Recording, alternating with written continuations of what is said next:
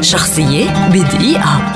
ولد الروائي السوري حنا مينا عام 1924 كتب القصص القصيرة في البداية في الأربعينيات من القرن العشرين ونشرها في صحف دمشقية كان يراسلها. أولى رواياته الطويلة كانت المصابيح الزرق في عام 1954 وتوالت إبداعاته وكتاباته بعد ذلك. ساهم في تأسيس رابطة الكتاب السوريين واتحاد الكتاب العرب من أعماله الروائية الشراع والعاصفة الياطر وغيرها الكثير.